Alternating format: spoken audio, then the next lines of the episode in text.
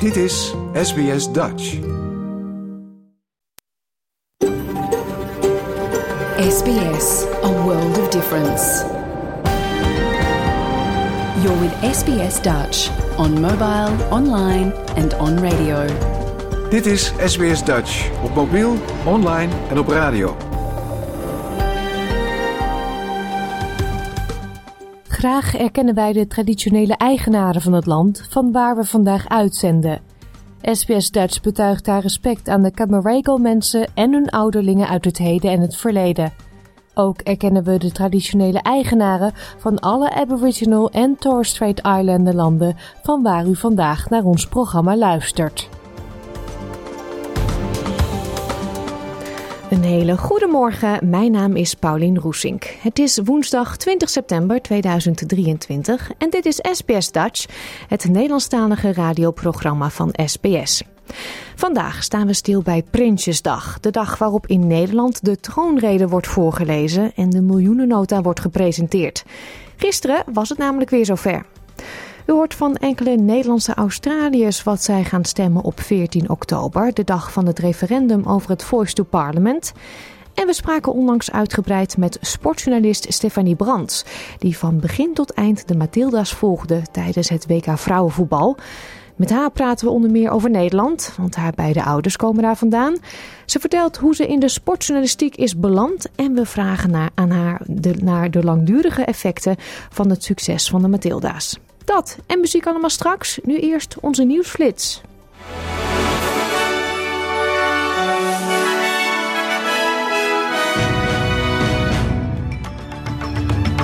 Dit is de SBS Nieuwsflits van woensdag 20 september. Mijn naam is Paulien Roesink. De uitkeringen van meer dan 5 miljoen Australiërs zijn omhoog gegaan. Mensen met JobSeeker, Youth Allowance, All-Study, App Study en een Youth Disability Support Pension ontvangen een extra 40 dollar per twee weken, naast de 16 dollar verhoging als gevolg van de indexering. In Sydney zijn twee mannen gearresteerd wegens de vermeende moord op een belangrijke onderwereldfiguur. Het slachtoffer, de 48-jarige Ellen Moradian, een beruchte drugsbaron uit de onderwereld van Sydney met banden met de motorbende Comanchero, werd in juni doodgeschoten terwijl hij in zijn auto zat nabij Bondi Junction. Premier Anthony Albanese heeft de focus van de regering op het Indigenous Voice to Parliament referendum verdedigd, terwijl veel Australiërs amper de touwtjes aan elkaar kunnen knopen. Volgens Albanese doet zijn regering veel als het gaat om de economie, het milieu en de kosten van levensonderhoud. Australië heeft 3,5 miljoen, miljoen dollar toegezegd ter ondersteuning van de internationale nucleaire toezichthouder. Na kritiek van Pacifische leiders op het dumpen van gezuiverd nucleair afvalwater in de Stille Oceaan door Japan. De Oekraïense president Volodymyr Zelensky heeft de wereldleiders bij de Verenigde Naties opgeroepen om zich gezamenlijk tegen de invasie van zijn land te blijven uitspreken. Zelensky kreeg applaus toen hij plaatsnam achter de microfoon van de Algemene Vergadering van de Verenigde Naties in New York. Het was voor het eerst dat, de dat, hij de vergadering in persoon bijwoonde sinds het begin van de Russische invasie in februari 2022. De Wereldgezondheidsorganisatie heeft gewaarschuwd voor een uitbraak van ziekte in Libië na de catastrofale overstromingen vorige week waarbij duizenden mensen om zijn gekomen. Mensen in beschermende pakken zijn in opdracht van de Libische regering begonnen met het ontsmetten van de straten van Derna om uitbraken te voorkomen. Tot zover deze nieuwsflits. Volg de SBS Dutch podcast voor meer nieuws en achtergronden of bezoek onze website www.sbs.com.au/dutch.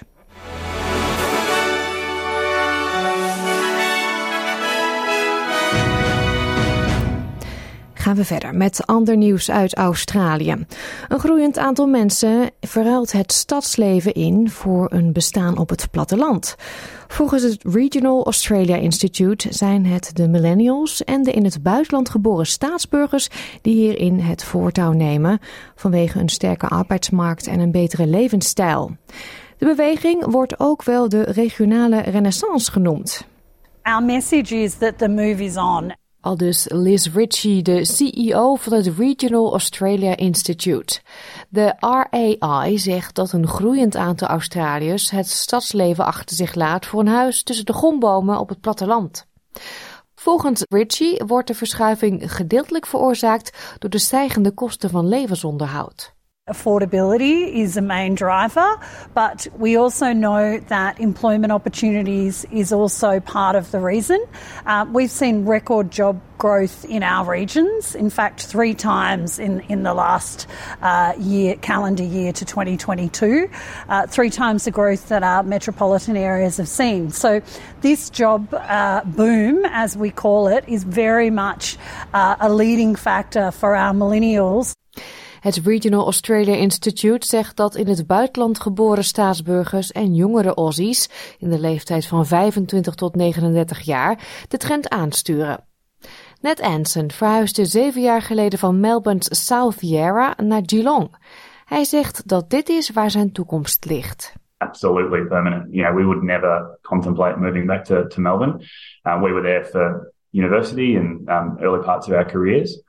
Uh, but you know, I think you know as soon as that decision's made and you realise the benefits um, that a place like Geelong can offer you as a family, um, let alone then I suppose the, the schooling um, and you know the community that's here, uh, we wouldn't think uh, about moving back to metropolitan Melbourne.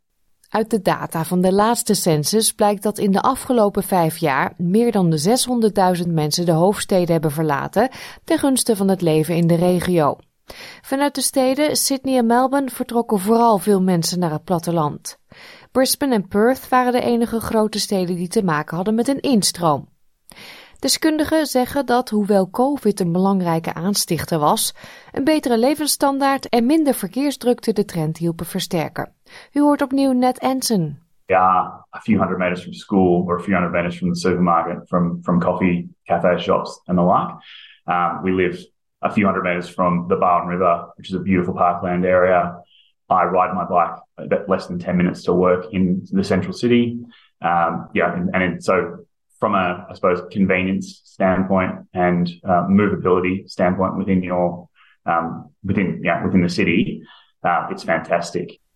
Maar naarmate de bevolking toeneemt, is er meer infrastructuur nodig, zo zegt Liz Ritchie van de RAI. We need more houses. We need more mixed dwelling in our houses. So we need more townhouses. We need more apartments. Again, it's about choice. These millennials don't necessarily want a half acre block. They're not always interested in gardening on weekends. So we know this about them. Uh, so that's a big, you know, it is a challenge. Economen, waaronder professor David Orsmond van Macquarie University, zeggen dat dit soort concurrentie tussen de regio's en steden goed is voor het hele land. The more we have local governments, both in the in the regional areas as well as the decision makers in the cities, thinking about what makes them, att- them attractive for people to move between, particularly for those young, skilled people, the better off it's going to be for the people that do make the move, but also for the existing citizens in that area. That sort of competitive tension leads to an improvement in everyone's standard of living, and frankly, it also broadens out the economic base. En het lijkt erop dat een groeiend aantal Australiërs daar binnenkort zelf achter gaat komen. Dit was een verhaal van Reina Bos voor SBS Nieuws, door SBS Dutch vertaald in het Nederlands. Het is vandaag de derde woensdag van de maand. Gisteren was het dus de derde dinsdag van september. En dat betekent dat in Nederland de jaarlijkse troonrede werd voorgelezen door koning Willem-Alexander. Politici en andere vooraanstaanden kwamen in Den Haag bijeen om de begrotingsplannen van het demissionaire kabinet aan te horen. Naast kroonprinses Amalia was ook haar inmiddels 18-jarige zusje Alexia voor het eerst bij de troonrede aanwezig. Traditiegetrouw waren veel Oranje-fans al vroeg op de been om een goed plekje te bemachtigen in de hoop een glimp op te kunnen vangen van de koninklijke familie. De NOS sprak met enkele van hen. Ik denk tien voor half zeven. En waarom dan zo vroeg al? Ja, we willen, dat we willen de vlag uh, gehezen zien worden. En we willen alles meemaken. Dus dan moet je er ook vroeg bij zijn. Hoe laat uh, was u hier deze ochtend? Ongeveer kwart voor zes. Waarom zo vroeg al? Ja, dat is, ik weet, het is helemaal niet nodig. Maar ik, ik, heb, de, ik heb de rust niet. Of ik heb onrust dat ik denk, ik moet er naartoe. En dan ben ik ook, het is de dood dat er al iemand op mijn plek zit. Waar kijkt u het meest naar uit vandaag? Um, Prinses Alexia. Ik bedoel, uh, die is er voor het eerst bij. Uh, hoe ziet ze eruit? Wat, wat doet ze? Hoe zwaait ze? Hoe, uh, ja. Waar kijkt u het meest naar uit op deze Prinsjesdag? Ja, toch wel het, het ceremonieel van de monarchie wat we hier hebben. Op zo'n dag als vandaag. De dag bij uitstek dat we daarvan kunnen genieten. Dus, Ja, we gaan hier blijven staan tot de balkonscène. en da daarna gaan we gewoon lekker de stad in, Den Haag in. Ja, deze toeschouwers hadden dus een mooi plekje uitgekozen. En van daaruit zagen ze hoe de Gouden Koets met koning Willem-Alexander en koningin Maxima vertrok richting de Koninklijke Schouwburg in Den Haag. En dus niet naar de Ridderzaal waar de troonrede gebruikelijk plaatsvindt. Dat is omdat het Binnenhof nog steeds wordt gerenoveerd. In de Schouwburg las de koning de 19 minuten durende troonrede voor. Wij hebben enkele belangrijke punten uit die troonrede 2023 voor u op een rijtje gezet met dank aan de NOS. De koning begon met een persoonlijke noot. Leden van de Staten-Generaal. Tien jaar geleden mocht ik voor het eerst in uw midden de troonrede uitspreken. Tien jaar waarop ik dankbaar terugkijk. Sommige gebeurtenissen waren indringend en rauw van verdriet. Zoals de aanslag op vlucht MH17. Op andere momenten ging emotie hand in hand met heling en verbondenheid. Zoals dit jaar op 1 juli tijdens de herdenking van de afschaffing van de slavernij. Natuurlijk denk ik aan de coronaperiode, die zo diep ingreep in ieders persoonlijke leven. En uiteraard denk ik aan de oorlog in Oekraïne. Het zijn dit soort momenten en gebeurtenissen die voor altijd deel uit zullen maken van onze geschiedenis en die in uw en mijn geheugen staan gegrift.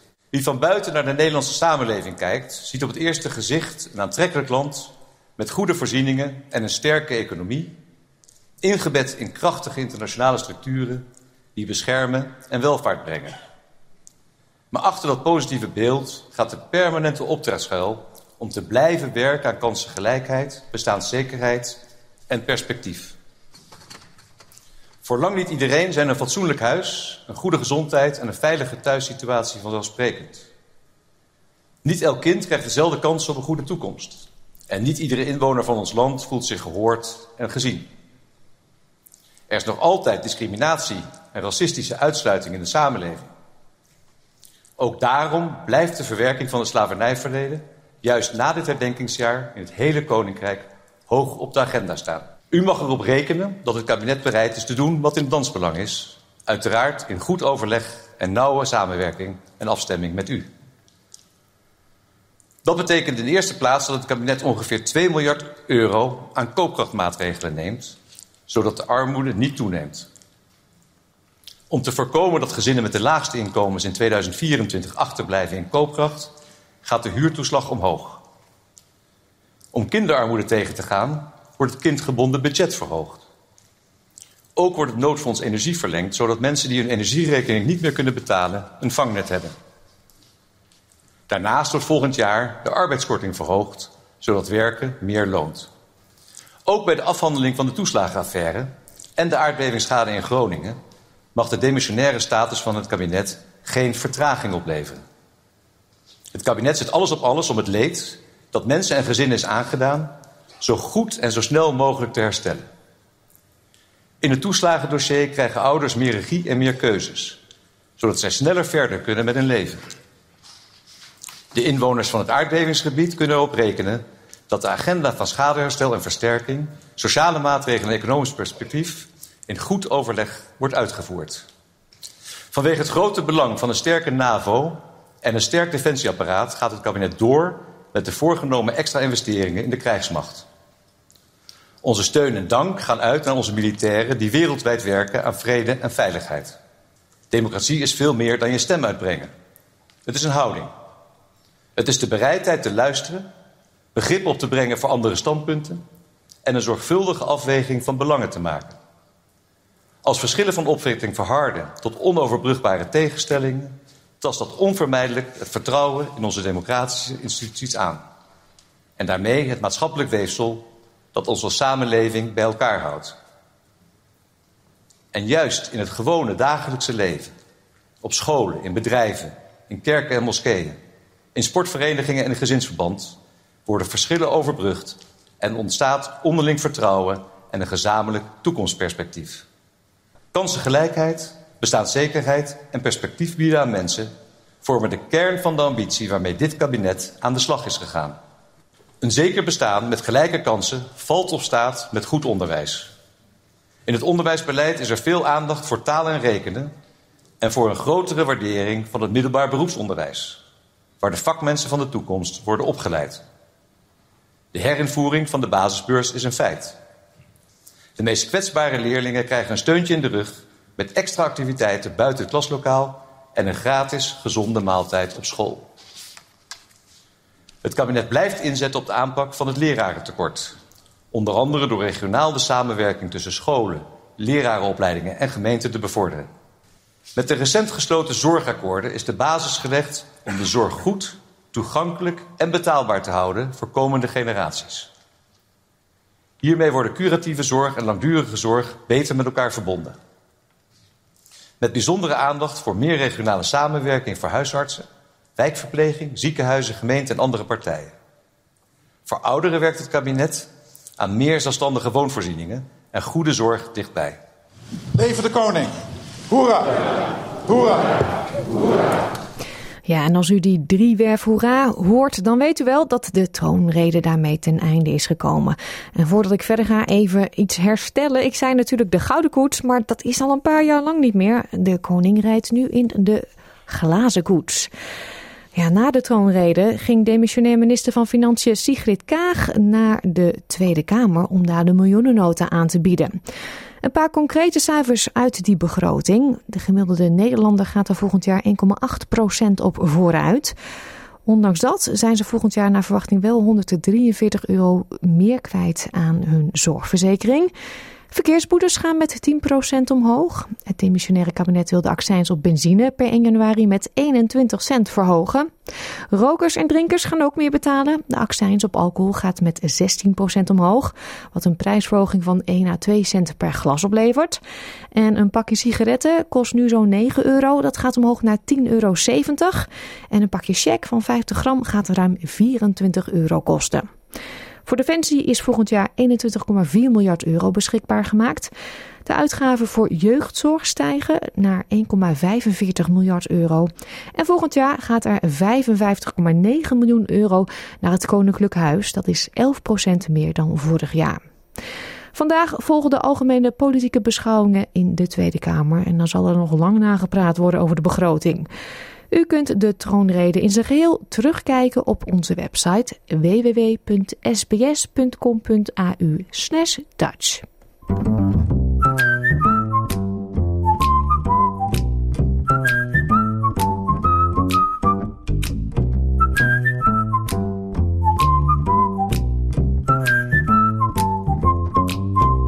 Over iets minder dan een maand, op zaterdag 14 oktober, vindt het referendum over het Indigenous Voice to Parliament plaats. Dit betekent dat iedere Australiër van 18 jaar of ouder verplicht een stem moet uitbrengen. Dus ook de Nederlanders in Australië die een Australische nationaliteit hebben aangenomen. Ieder huishouden heeft inmiddels het officiële referendumbooklet in de brievenbus gehad. En zowel de voor- als tegenstanders van de Voice voeren volop campagnes om stemmers te overtuigen. Wij vroegen enkele Nederlandse Australiërs of zij ja of nee zullen stemmen. De referendumvraag luidt: Steunt u een wijziging van de grondwet om de First Nations van Australië te erkennen door middel van de oprichting van een Aboriginal en Torres Strait Islander stem? De 73-jarige Keith Meyer uit Lane Cove in New South Wales werd in Australië geboren, maar woonde met zijn Nederlandse ouders ook een paar jaar in Nederland. Hij is voor een voice. Ik stem ja. Gedurende mijn, mijn leven heb ik uh, een heel hoop uh, Aboriginals ontmoet. En ik heb ermee samengewerkt. Ik vind ook dat ze het recht hebben om dus de beslissingen die in het parlement ge gemaakt worden door het gouvernement, dat ze daar een, een kans hebben om ja, een stem bij te hebben. En, en met, met andere woorden, over het uh, woning, uh, zeg maar, uh, de, de gezondheid, qua hun opleiding en zo, moeten ze dus een kans hebben om daar hun ideeën bij te voegen. En zonder dat het, het gewoon maar voor ze gedaan wordt. Zonder dat er overleg is. En zonder dat ze een kans krijgen om hun eigen stem erbij te zetten. Hidde Kroon woont sinds 2017 in Adelaide in South Australia en is nu twee jaar dual citizen. Gaat hij ja of nee op zijn stemformulier schrijven? Uh, en, nou, dat weet ik nog niet. Ik heb um, daar eigenlijk nog geen ja of nee antwoord op. En um, ik, ik vind, ja, er moet wel wat meer, of er moet veel meer uh, voor de Aboriginals vanuit overheid en vanuit de centrale overheid uh, gebeuren. Um, dus eigenlijk zou ik heel gemakkelijk ja kunnen stemmen. Maar ik twijfel heel erg, en dat is dan waarom ik misschien nee zou stemmen, is omdat um, de uitwerking van het plan, kom ik eigenlijk niet goed achter hoe dat dan in de overheid zo'n adviesorgaan uh, zal werken, wie daarin zal komen. Uh, gaat dat ook met stemmen of worden daar mensen voor aangewezen? Um, ja, ik, ik vind het plan eigenlijk niet uitgewerkt genoeg. En um, ik denk als je zo'n moeilijk onderwerp onder de Australiërs uh, voor in de grondwet wil veranderen, dat is zo'n grote stap. Dan moet je ook wel een heel goed doordacht plan hebben waar je op alle vragen antwoorden he hebt. En dat, dat komt er eigenlijk niet. Als ik dan uh, Anthony Albanese hoor, dan, ja, dan, dan, dan zegt hij alleen maar dat het belangrijk is, maar niet hoe dat dan uitgewerkt gaat worden. En um, ja, dat maakt mij erg aan het twijfelen. Dat ik denk, ja, dat ik ga voor iets stemmen wat je eigenlijk niet weet. En dan komt dat tijd bij, bij naar boven. Als je het niet zeker weet, dan moet je het niet doen. Um, dus ja, daarom twijfel ik. Ik ben, heel benieuwd of iemand mij kan overhalen om um, wel ja te gaan stemmen. Want ik, vind het echt heel belangrijk. De Aboriginals die, worden niet overduidelijk, maar zeker wel gediscrimineerd en hebben veel minder kansen in Australië, terwijl dat de originele bewoners zijn. Dus dat er iets moet gebeuren, ja, maar of dit dan de manier is, daar twijfel ik erg over. Ook Annemarie Jones uit Gladstone, een klein plaatsje aan de Mid-North Coast in New South Wales, is er nog niet helemaal uit. Ik neig, nou ja, uh, ik heb uh, de, de berichtgeving een beetje waargenomen de afgelopen dagen. Ik heb het leaflet wat aan iedereen is gestuurd behoorlijk grondig bestudeerd. Ik denk dat dit niet de volledige oplossing is. Ik denk dat het niet een makkelijke weg wordt om, om dingen beter te maken. Maar ik denk als we nee zeggen omdat het niet goed genoeg is, dan gebeurt er niks. Um, ik denk dat we beslissingen moeten blijven nemen om in elk geval in beweging te blijven het is voor mij nog steeds onvoorstelbaar dat het nog maar 50 jaar geleden is. Zoiets ongeveer. Misschien zelfs iets langer.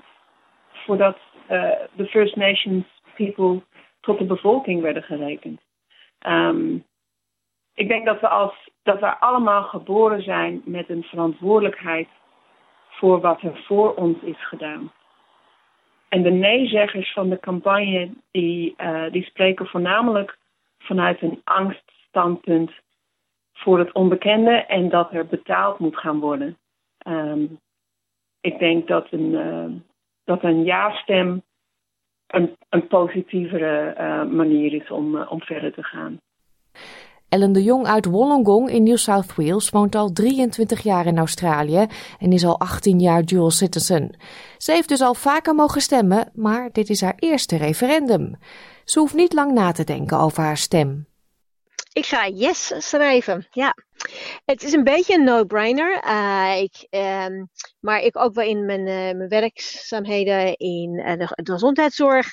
Um, veel verschillende training gehad over inderdaad. Dus ehm, ja, hoe, hoe we met Aboriginal mensen de, de, de cultuurverschillen en eigenlijk ook de, nou ja, hoe ze natuurlijk behandeld zijn de afgelopen 200 jaar. Maar eigenlijk pas dat heel recentelijk dat dat een beetje veranderd is. Dus dat in de jaren 60 nog steeds zoveel dingen waren die natuurlijk niet, uh, 60, 70, niet, uh, ja, gewoon nu niet meer kunnen.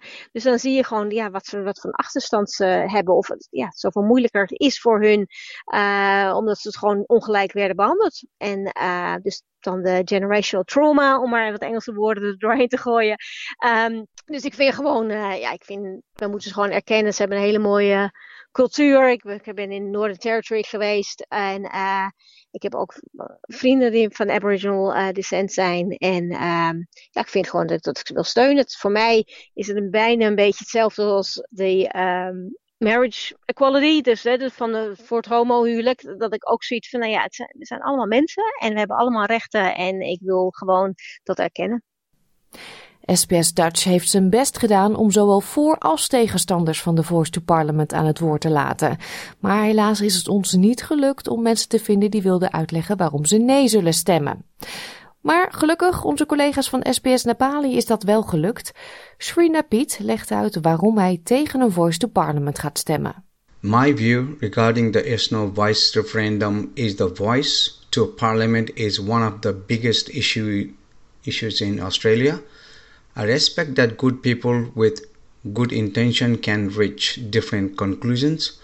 All of us only want the best for our fellow Australians to create a more perfect nation for everyone, regardless of their background or circumstances, and with access to the same opportunities. The only question at hand is the best way to achieve that. This referendum is also our chance to have a say on what our future look like. From my view, it won't deliver better outcomes for Indigenous Australians. However, it will have negative outcomes for all Australians. The Labour Party is using this referendum as a way to gather information on their fellow Australians to build the infrastructure for their next campaign. This voice is legally risky with unknown details and would be permanent. Therefore, I support to know. En dan schaduwminister voor Indigenous Australians, Jacinta Nampijinpa Price. Zij is een van de vooraanstaande tegenstanders van de Voice to Parliament. Division, division, division. That's basically what this referendum is about. It's been this since the beginning. And this is the this is the decision that Australians are going to have to make now on October 14. De standpunten die u zojuist voorbij heeft horen komen zijn persoonlijke meningen en zeggen niets over de standpunten van de hele Nederlandse gemeenschap. Ga voor meer informatie over het referendum naar www.sbs.com.au voice referendum. Stephanie Brands is waarschijnlijk een bekende naam voor sportliefhebbers. De sportjournaliste is nog half aan het bijkomen van het WK vrouwenvoetbal in eigen land, waar ze voor de FIFA TV de Matilda's op de voet volgde. Onlangs sprak ik haar over haar Nederlandse roots en hoe ze de overstap maakte van natuurgeneeskunde naar de sportjournalistiek. En ook vroeg ik haar of het succes van de Matilda's een langdurig effect zal hebben op de vrouwensport. SBS Dutch, woensdag en zaterdag om 11 uur ochtends of online op elk gewenst tijdstip.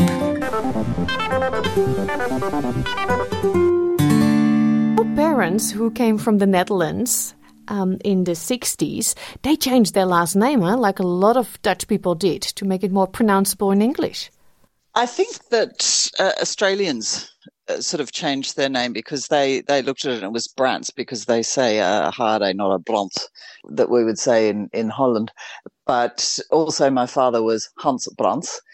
And for some reason, they found the Hans part too difficult, and he became Harry Brandt. So that part was uh, was definitely uh, an Australianisation, if you like, of the name. Yeah, that is funny. You were born and bred here, so did you get much of the Dutch upbringing? I got a lot of the food, certainly, which I still love. I have, uh, especially all the sweet things, the stroopwafels and the uh, drop and uh, appelmoes on everything, those sorts of things. And uh, c- certainly my, my go-to favourite meals are, are all Dutch. Uh, we picked up a bit of the language because my parents, of course, were trying to assimilate and speak more English, but they would drop into Dutch at home, and, and particularly as we got older, if they didn't want us to understand something. Uh, so, of course, if they're talking about, say, surprises or Christmas presents or things like that. It's a, a very good motivator to start learning Dutch to understand what they're talking about. So I suppose that's where we learnt a lot of uh, the Dutch words. But then I became quite interested in being able to speak it. And I, I, unfortunately, if you don't have someone to speak it with, it's it's very difficult to learn. But I understand a fair bit, and I like trying it out when I go to to the Netherlands. It's just that everyone in the Netherlands speaks such perfect English that it's it's very hard to practice because their English is much better than my Dutch will ever be. But uh, certainly bits bits of the language, uh, the food, and then the the customs. Uh, we still do Sinterklaas uh, every year, and and the little things like that.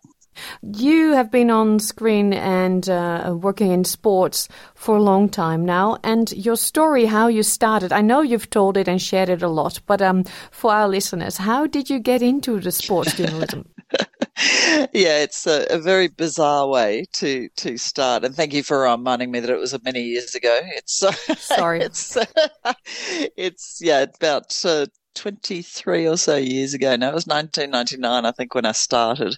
I was actually a naturopath and I had a, a natural therapies practice with uh, nutrition. I also did some personal training and things like that uh, in the inner west of Sydney. And I also had a son that was about four. And then I had a baby boy as well. And I would be out the back uh, playing football with them, uh, soccer, and you know, throwing a ball around, all that sort of thing. And I didn't realize, but we lived three doors down from an SPS producer. And he, one day he just came over and he said, We're looking for a sports presenter. It's for a, a football show. Would you be interested? Because he also knew I had a, a multicultural family, if you like, because uh, my father's also uh, Indonesian. So I think that that whole picture fit quite well with with SBS. So I did an audition and I was absolutely terrible, so I didn't get the job. However, they asked if I'd like to train. So I did some training with them for about a year or so, and then the job came up again.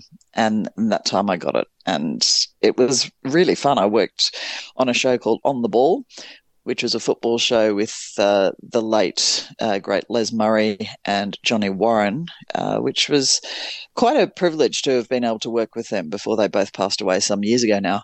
And while I was at SBS, the Socceroos, the men's national team, qualified for the World Cup uh, for the first time since 1974. So it was 32 years since Australia had been at a men's FIFA World Cup, and everything took off because, of course, then everyone started started watching.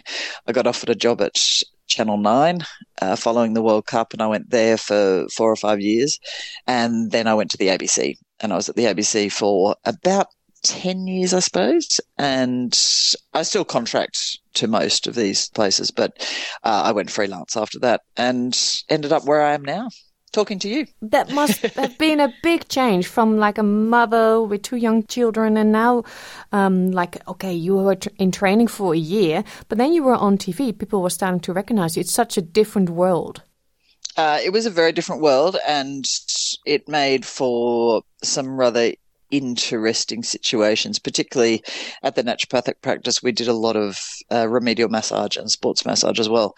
And yeah, there was some uncomfortable situation when the World Cup rolled around in, in 2006 and someone was actually came in because they recognize you and, and yeah, it became a little bit awkward. And that's when I sold the clinic. So I ended up selling it, but I did both for about four or five years. Wow. Did you give it a thought when you agreed to do the audition? Like this is going to be so different and it's going to impact the family?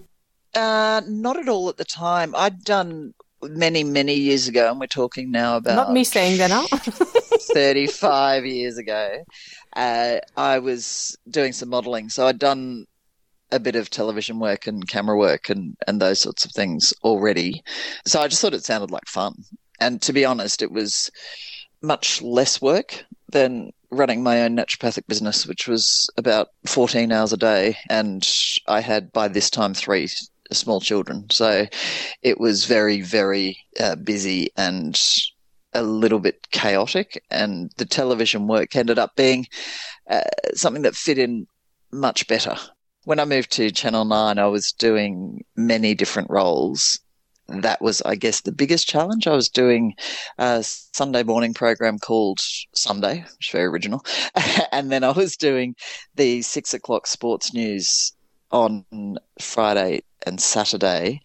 I was doing Nightline, which went to air at about 10 o'clock or 10.30 and a basketball program on on uh, Saturday evenings. So I would come home at one o'clock in the morning, and then you'd have to be up and uh, get the kids ready for school, and then they'd come home. You'd do the homework with them, and then you'd go back off to work. So that was yeah, that was really difficult, and you would understand having kids yourself that Mhm. you sort of uh, every time you sat still, you just went to sleep. Yeah. it was so exhausting, yeah. but it was good fun. And all the different sports, because you're saying basketball, soccer, name it. Um, did you know a lot about all these sports, or did you learn it all along the way? Mm, I think in Australia, if you've got any interest at all in sport, you pick up a fair bit. But I certainly had to learn a lot more as as I went along. Uh, being European, we had decent exposure to football already. Uh, I played netball and basketball, and my brother and I were massive fans of the NBA because during that era we'd been uh, huge fans of Michael Jordan, like most people. Uh, so we'd followed the Chicago Bulls, and uh, you just had a a kind of working knowledge of these things. But as far as actual Australian sport went, particularly at Channel 9, where they were so heavily rugby league based, uh, that was a bit of a learning curve because watching it and working in it were two different things. And yeah. I guess you had to be more aware. But once you work in it, it's actually much easier because you're in and around it every day. Hmm, yeah. Um, the FIFA Women's World Cup just finished here in Australia and New Zealand. That must have been a intense time for you as well. You didn't play, but it was hard work. wow, wasn't it crazy? And I just look back at all the little touch points along the way and you think, wow, was that only last month? Because it went so fast. And the whole country in Australia just embraced it in a way that certainly everyone had hoped. Uh, but I think when it actually came to fruition, the energy that was around the entire month was extraordinary. A lot of that, of course, because the Matildas, the Australian women, did uh, so very well, and they went further than they've they've ever been in a World Cup. Also, all the other matches were just amazing, and of course, as I said to you. My second team was always uh, always going to be the Netherlands, but to see the the crowds at all those matches, the demographic didn't look anything like I, I thought it would. My kids went to the England Colombia game at Stadium Australia, and we're very much hoping that it would be all the uh, England fans doing the chants and singing the songs. And yeah, apparently they were outnumbered in the stadium Yeah. by about 10 to 1. it was uh, amazing. And everyone really got caught up in World Cup fever. It's something I haven't really seen, particularly in Sydney, since the 2000 Olympics. Hmm. Where everyone is just so engaged. So it was a huge, wild ride. And when the Matildas went all the way to the uh, the penultimate day of the tournament, it was just so exciting. Uh, I, I remember thinking at the time because we'd been going. I, I was embedded with the team, so everywhere they went, I went. And we just kept bouncing back between Brisbane, Sydney, and Brisbane, Sydney, and Brisbane, Sydney. But on that last day, when they lost the semi final, to have to go back up to Brisbane and play a third and fourth place playoff, I think mentally and physically that was very, very difficult. And then they put a civic reception in on the Sunday. And I remember I'd, I'd asked for an early morning flight to come back home to Sydney because I had uh, some commitments for the final. And when they put the civic reception on, I thought, oh no, no, no, I'm staying for this, which was lovely. But then a 3.30 flight back and get back out to Stadium Australia in time for the, the last match. I think by the final whistle of the of the final, I was just ready to curl up into a ball for a year. Yeah, yes. It was so much fun. Ja, ik kan me voorstellen dat waren drukke tijden. Straks praten we verder met sportjournaliste Stefanie Brands. Maar eerst muziek van Henny Vriend en Herman Brood. Dit is Als je wint. Ja, voor de break en de muziek hoorde u sportjournaliste Stefanie Brands vertellen over haar Nederlandse roots en dat ze eigenlijk bij toeval in de sportjournalistiek terechtgekomen is. Vorige maand stond Geel in het teken van het WK vrouwenvoetbal hier in Australië en Nieuw-Zeeland. Ze zat namelijk heel dicht bij het vuur, want ze volgde de Matilda's op de voet. So you were embedded with the team and you were working for FIFA, right? So did you feel that the women noticed what was going on in the country, how crazy we were all getting? Yeah, absolutely. And and I think they were stunned by the feedback that they got. They were really thrilled with all the support, and I think they fed off that. I think they found that uh, to be something that was really uh, driving them. And they could feel the change in the country where people were really getting on board with uh, not just football, but with women's sport and and they were so supportive of the Matildas that I, I, think that energy was was in the camp the whole time. I think also a little bit exhausting, particularly for Sam Kerr, who was already a household name before the World Cup, but it just became ridiculous during the World Cup. And then she injured her calf before the first match, and it was all anyone was talking about. So uh, I imagine for her it became a bit relentless. However, for the team, the excitement that they knew that it was a game changer, that this tournament would, would change the way people saw them forever. And, and it certainly has. And it's yeah, I, th- I, think it's something that will be long celebrated. People will remember where they were when Courtney Fine scored the winning penalty to send them through to the semis oh, and those we sorts all of things. behind the couch, not able to yeah. watch like crazy. oh, was it? It was just so stressful. And I remember because we have a seat, an observer seat, they call it, up where the commentary team sit uh, for the match. So we go up there, and then on 75 or 80 minutes, we need to be downstairs near the tunnel so that we can do all the the post match interviews.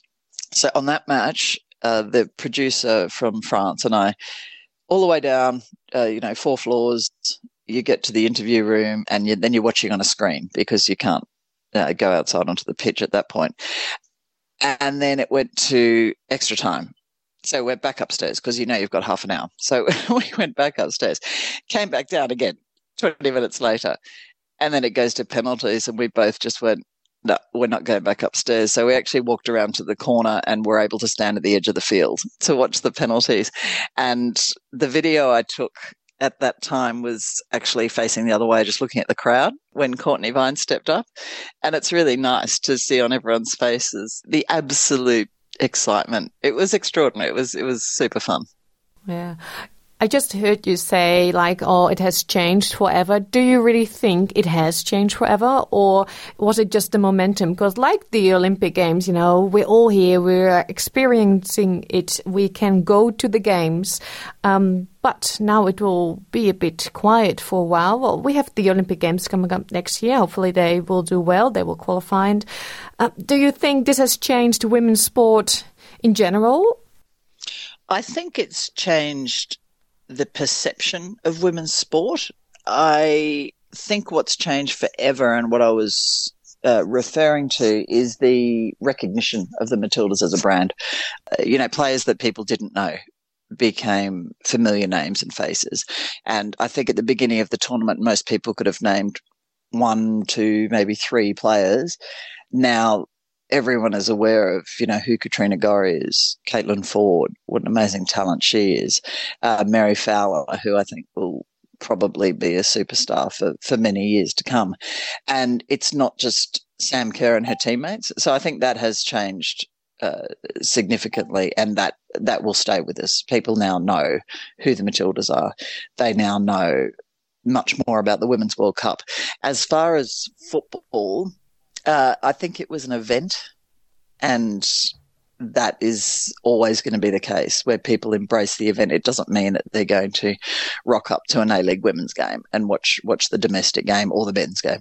Uh, I think that the football fans will have loved it, and the others embraced the event or the tournament. Uh, wh- whether that translates into bums on seats, as we say, in in the domestic game for the club season. I'm not sure. I think there will be an uptick in registrations, but even with that, there's a gap between the start of the grassroots season and so whether it will have worn off by then. It, it it'll be a really interesting to see the statistics on that and, and how it turns out. Because, of course, you know, when Ash Barty won Wimbledon and then won the Australian Open, kids started wanting to play tennis. Mm. Uh, are they still playing? You know, I don't know. Yeah, uh, we are a bit unlucky that, of course, most of the women play in Europe, so we can't really see them playing here now during competition. Exactly. But uh, do you know what? In 2006, where the men made the uh, the World Cup in Germany, I think there were only two players in that squad that played in Australia. Mm. And it didn't stop everyone following their careers. And I think it was just a given that the ultimate goal was to go and play in Europe. Uh, and many of them played in the in the Premier League. We had a couple in the Eredivisie. We had a couple in Serie A, and that was a given. They were playing at the top tier of of men's football, and that's what made them a successful team. And if Australia want to stay competitive, then they need to be in those environments where they're playing all year round. They're getting Champions League football. They're getting things like the Conti Cup. Uh, That experience is, has been invaluable. And I think that's why they did so well. Um, Courtney Vine has stayed in Australia. She'll play another season for Sydney FC. So it, it is possible to see, you know, sort of one or two. Um, Tamika Yallop has re-signed. So it, it's possible to see a few. I think the way that they're trying to market this now is what you can watch is the future stars. Yeah. So, what's your next big tournament or event that you're going to host or report on? Well, at the moment, I'm doing a lot of corporate stuff. So I do a lot of emceeing and, and hosting of events. So I've got a few of them going on at the moment. My next big event will be the United Cup and then the Australian Open Tennis. So I do a similar role for that, except I do hosting, as in in a studio for those events. And again, for the world, it's a world feed. Mhm. So it, that's a lot of fun. And it's, yeah, I really like these events because it's when the whole world comes to play. So that that will be uh, that will be huge fun. And then next year rolls around into the into the Olympics, of course. Uh, and there's also Euros. There's it's all happening. Yeah, busy times ahead. So, I take your rest now. Yeah, exactly. Yeah, I think there'll be uh, probably November, a little bit of time off, and then yeah, December, January is always very busy for me because it goes from tennis into the the cricket is always on. Then there's a couple of days in the middle of the month where you get a break, and then the Australian Open is two weeks at the end of end of January in Melbourne. So it's it's a lot of fun, but you've got to pace yourself. I think is the way to put it. Thank you so much for your time, Steph. Uh, absolute pleasure. Ja, en met dit uitgebreide gesprek met Stephanie Brands eh, komen we aan het einde van deze uitzending van SBS Dutch. Op onze website www.sbs.com.au Dutch kunt u deze uitzending en al onze andere verhalen en podcastseries terugluisteren.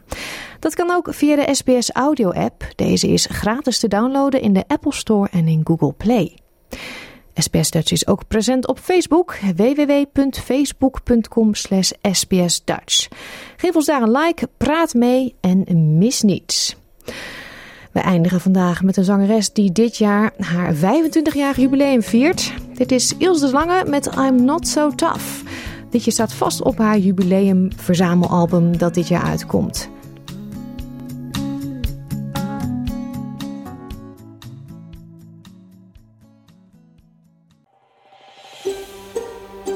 Wil je nog meer soortgelijke verhalen? Luister via Apple Podcasts, Google Podcasts, Spotify of waar je je podcasts dan ook vandaan haalt.